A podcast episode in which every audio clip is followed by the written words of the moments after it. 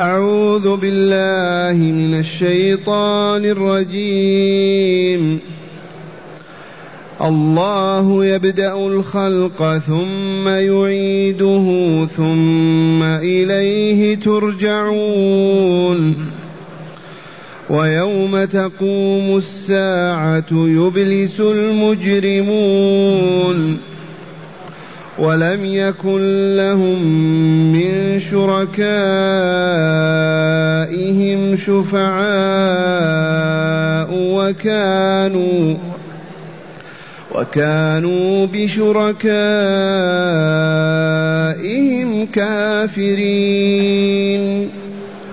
ويوم تقوم الساعة يومئذ يتفرقون.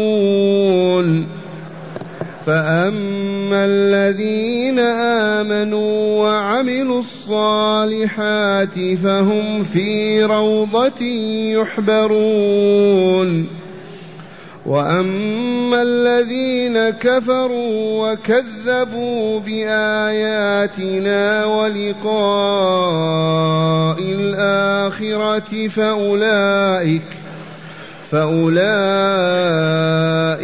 في العذاب محضرون أحسنت. معاشر المستمعين والمستمعات من المؤمنين والمؤمنات قول ربنا جل ذكره الله يبدأ الخلق ثم يعيده ثم إليه ترجعون. هذا خبر. من أخبار الله تعالى. الله جل جلاله وعظم سلطانه رب كل شيء وإله العالمين ورب الأولين والآخرين. الله منزل الكتاب ومجري السحاب. الله ربنا ورب العالمين. هذا اسمه العلم الله. ولله مئة اسم إلا اسما واحدا. أجلها هذا الاسم الله الدال على أنه لا إله في الكون إلا هو ولا يستحق العبادة في الخلق إلا هو. الله جل جلاله وعظم سبحانه يخبر عن نفسه فيقول يبدأ الخلق ثم يعيده. وقد بدأ الخلق وإلا لا. هل قبل مئة سنة كنا موجودين؟ والله ما كان منكم أحد. من أوجدنا؟ وقبلنا من كانوا ومن يأتوا بعدنا من يوجدهم سواه؟ هو الذي يبدأ خلقهم. بل الخلق كله للسماوات والأرض والكائنات هو الذي بدأه. يبدأ الخلق. ثم يميت الخلق ثم يعيدهم. هذا فعل من؟ الله فقط. فلهذا كان لا إله إلا هو ولا رب سواه. الله جل جلاله وعظم سلطانه يبدأ الخلق كما تشاهدون في الأطفال يولدون ويكبرون ويموتون ثم من يعيدهم بعد ذلك؟ هو جل جلاله وعظم سلطانه. وبهذا استحق الألوهية واستحق العبادة فلا يعبد سواه. الله يبدأ الخلق ثم يعيده ثم إليه يرجعون ثم إليه ترجعون. والله العظيم. لا بد وأن نرجع إليه لنقف بين يديه ليسألنا ويستنطقنا ونجيب أو لا نجيب. ثم إما أن يدخلنا دار النعيم أو يدخلنا دار البوار والعياذ بالله تعالى. وهذا هو السر الذي كررناه ألف مرة وقلنا ما علة هذا الوجود؟ لما أوجدنا الله من أجل أن نذكره ونشكره لما يعيدنا مرة ثانية من أجل أن يجزينا على ذكرنا وشكرنا أو على كفرنا وعصياننا. هذه سر الحياة. واحلف بالله ولا تحلف. لما أوجد الله هذا الكون؟ لأجل أن يعبد فيه ويذكر ويشكر. لما أوجد الحياة الثانية بعدما يفني الأولى ويبيدها وينهيها من أجل الجزاء على الكسب في هذه الدنيا. إذا فلنعمل الصالحات ولنبتعد عن السيئات. فإن جزاء الصالحات الجنة وجزاء السيئات النار. وإن قلت أي نار هذه في بيتك توقدها وتطبخ عليها طعامك ولحمك. وإن قلت كيف هذا الكوكب الشمس فوقنا أكبر من أرضنا بمليون نصف مليون مرة والله لكلها نار ملتهبة. لو جمعت البشرية كلها وألقيت فيها ما سدت زاوية من زواياها. أبعد ذلك تسألني عن النار؟ مع أن هذه العوالم كلها تنسف وتبدد ولم يبق من شيء لا السماء والأرض. وإذا بنا في عالم آخر الفوق الجنة وأسفل الجحيم والعياذ بالله. وقرأ القارعة ما القارعة وما أدرك ما القارعة. يوم يكون الناس كالفراش المبثوث وتكون الجبال كالعهن المنفوش. الله يبدأ الخلق ثم يعيده ما قال بدأ الخلق لأنه يبدأ الخلق في كل يوم وفي كل ساعة ثم يعيده من جديد كما بدأه ثم إليه ترجعون وتحشرون. لما؟ للجزاء على العمل في هذه الدنيا إن كان إيمانا وعملا صالحا فالجنة دار النعيم مأوى الصالحين وإن كان فسقا وفجورا وشركا وكفرا فدار البواء والخسار جهنم والعياذ بالله. هذه الآية قررت البعث الآخر ولا لا؟ وأكدته وبينت ما يتم فيه ويجري.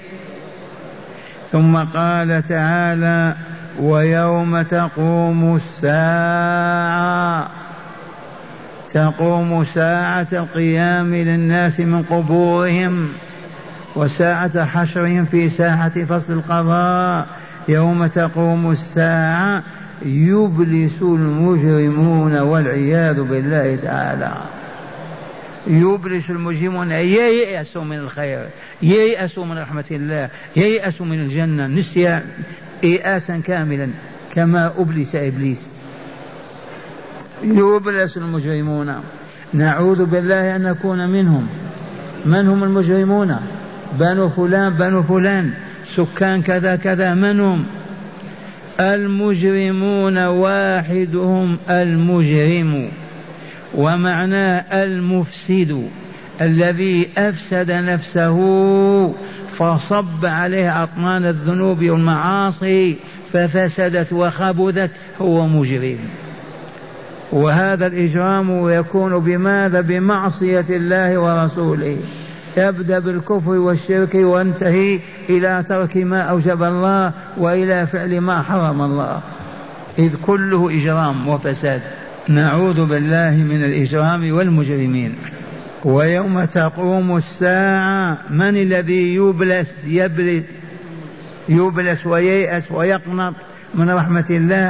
المجرمون الذين أفسدوا أنفسهم صبوا عليها الذنوب والآثام فأصبحت خبيثة منتنة ما يرضاها الله في جواره ولا يقبلها في جنة دار السلام.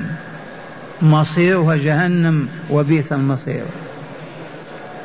ثم قال تعالى ولم يكن لهم من شركائهم شفعاء ولم يكن لأولئك المجرمين المشركين الذين عبدوا غير الله أو عبدوا مع الله سواه هؤلاء لم يكن لهم من شركائهم شفعاء.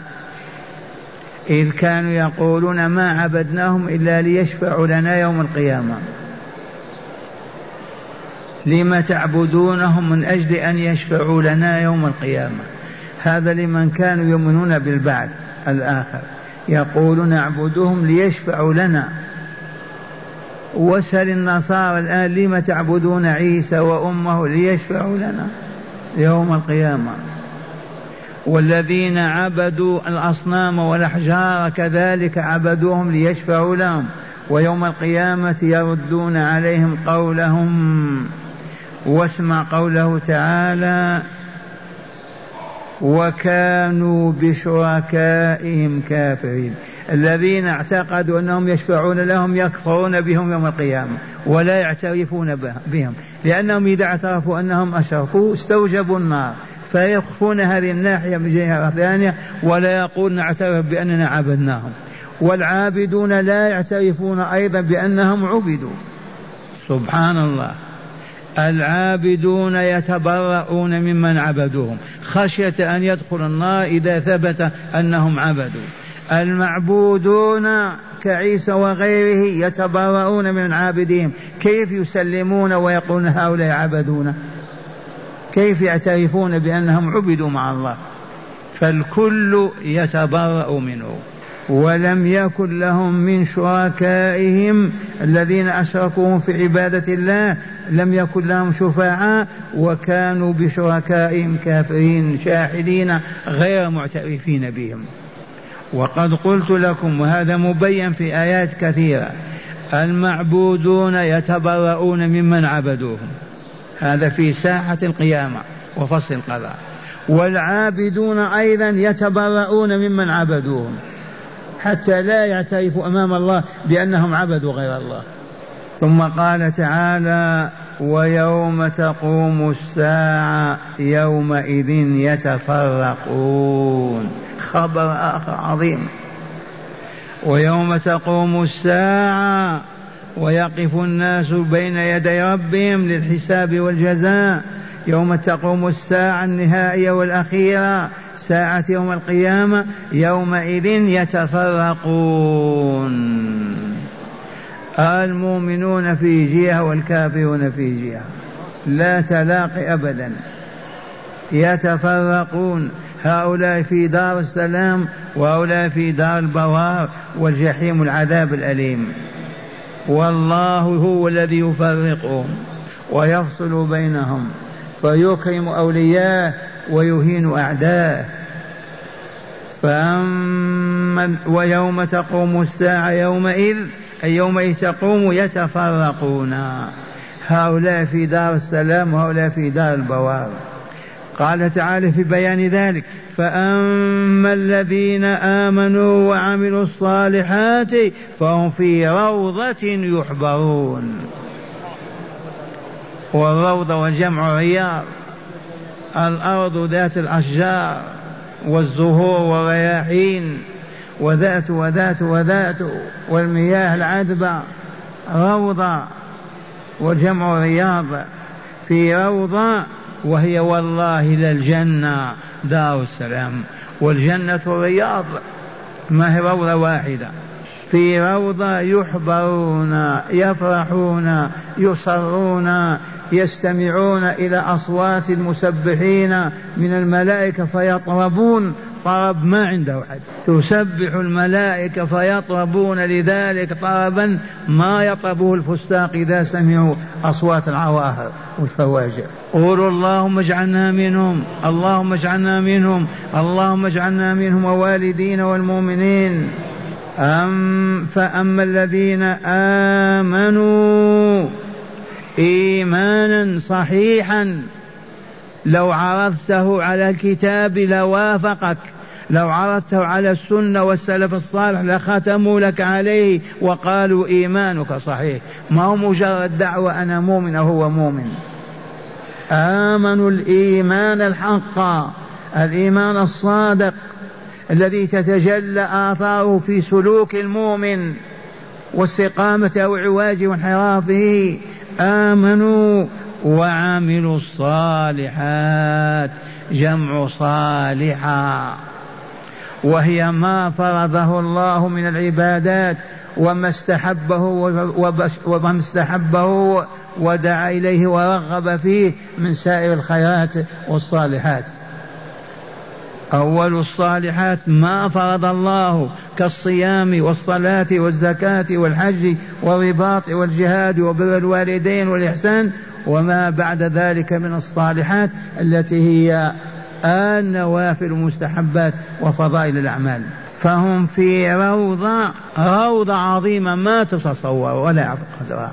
يحبرون فرحين مسرورين لا حزن ولا هم ولا غم بل طريبين يطربون بالأغاني التي يسمعونها.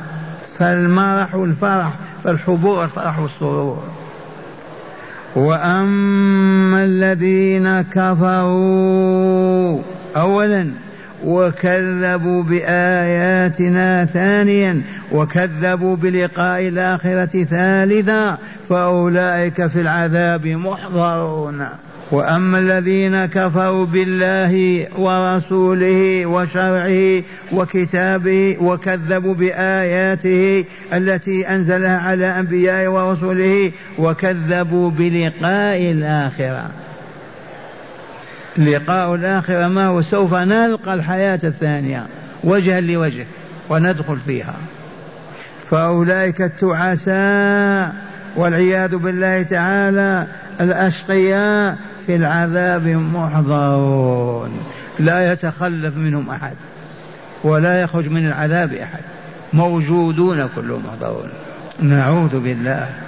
والآن مع هداية الآيات فتأملوها تجدون ما بيناه فيها. من هداية هذه الآيات أولا تقرير عقيدة البعث والجزاء بذكر الأدلة وعرض مشاهد القيامة. من أد... من هداية هذه الآيات التي تدارسناها تقرير ماذا؟ عقيدة البعث الآخر وما يجري فيه من الحساب والجزاء. والله لقررته كما سمعتم. نعم. ثانيا تقرير عقيدة أن لا شفاعة لمشرك ولا كافر يوم القيامة. هذه الحقيقة. فلييأس الناس. والله لا شفاعة لمشرك ولا لكافر أبدا.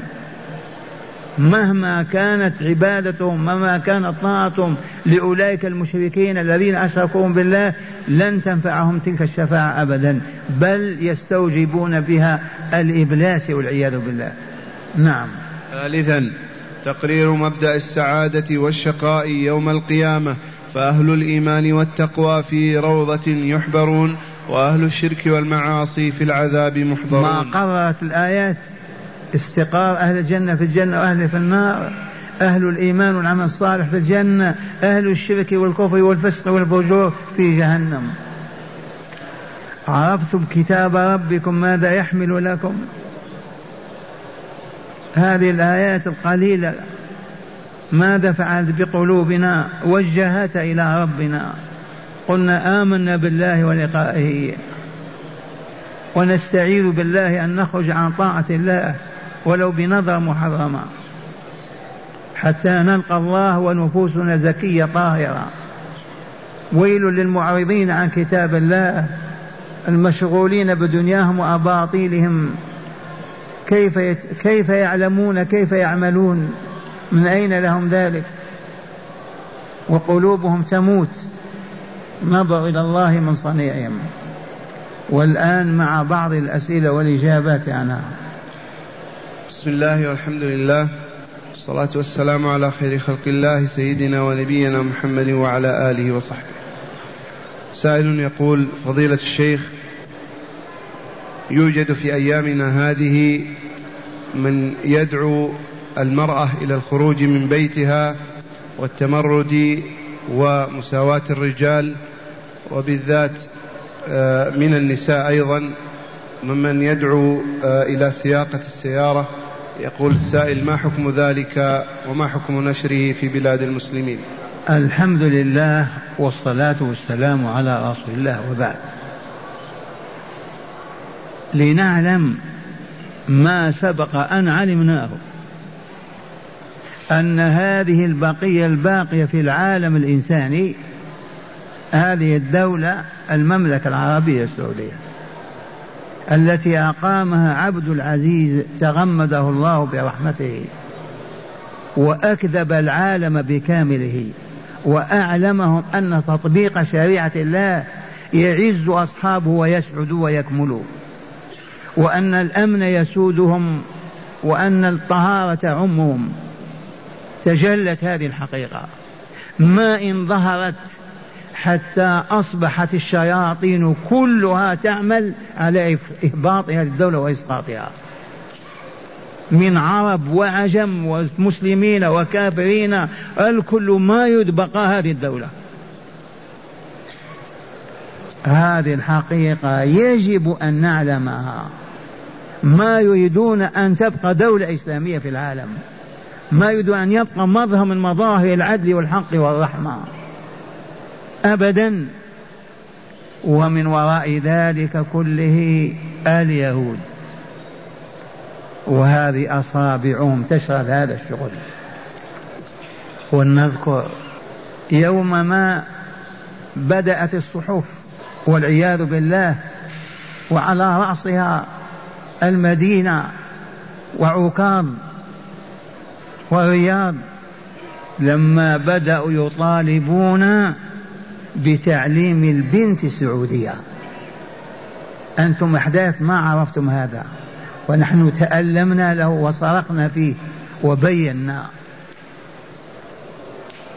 لم تبقى البنت السعودية في ديجور من الظلام؟ لم ما تتعلم فقط مدارس ابتدائية. وأصابع اليهود وأعداء هذه الدولة هي التي تحركهم وبعضهم مغفلون. بل ها عميان يسمعون الصوت فيمشون. أقول لو ما دخلت البنت السعودية المدرسة إلى الآن ماذا يحصل؟ ماذا نفقد؟ أسألكم بالله تسقط السماء. يغار البنزين ويسقط. ما الذي يحصل؟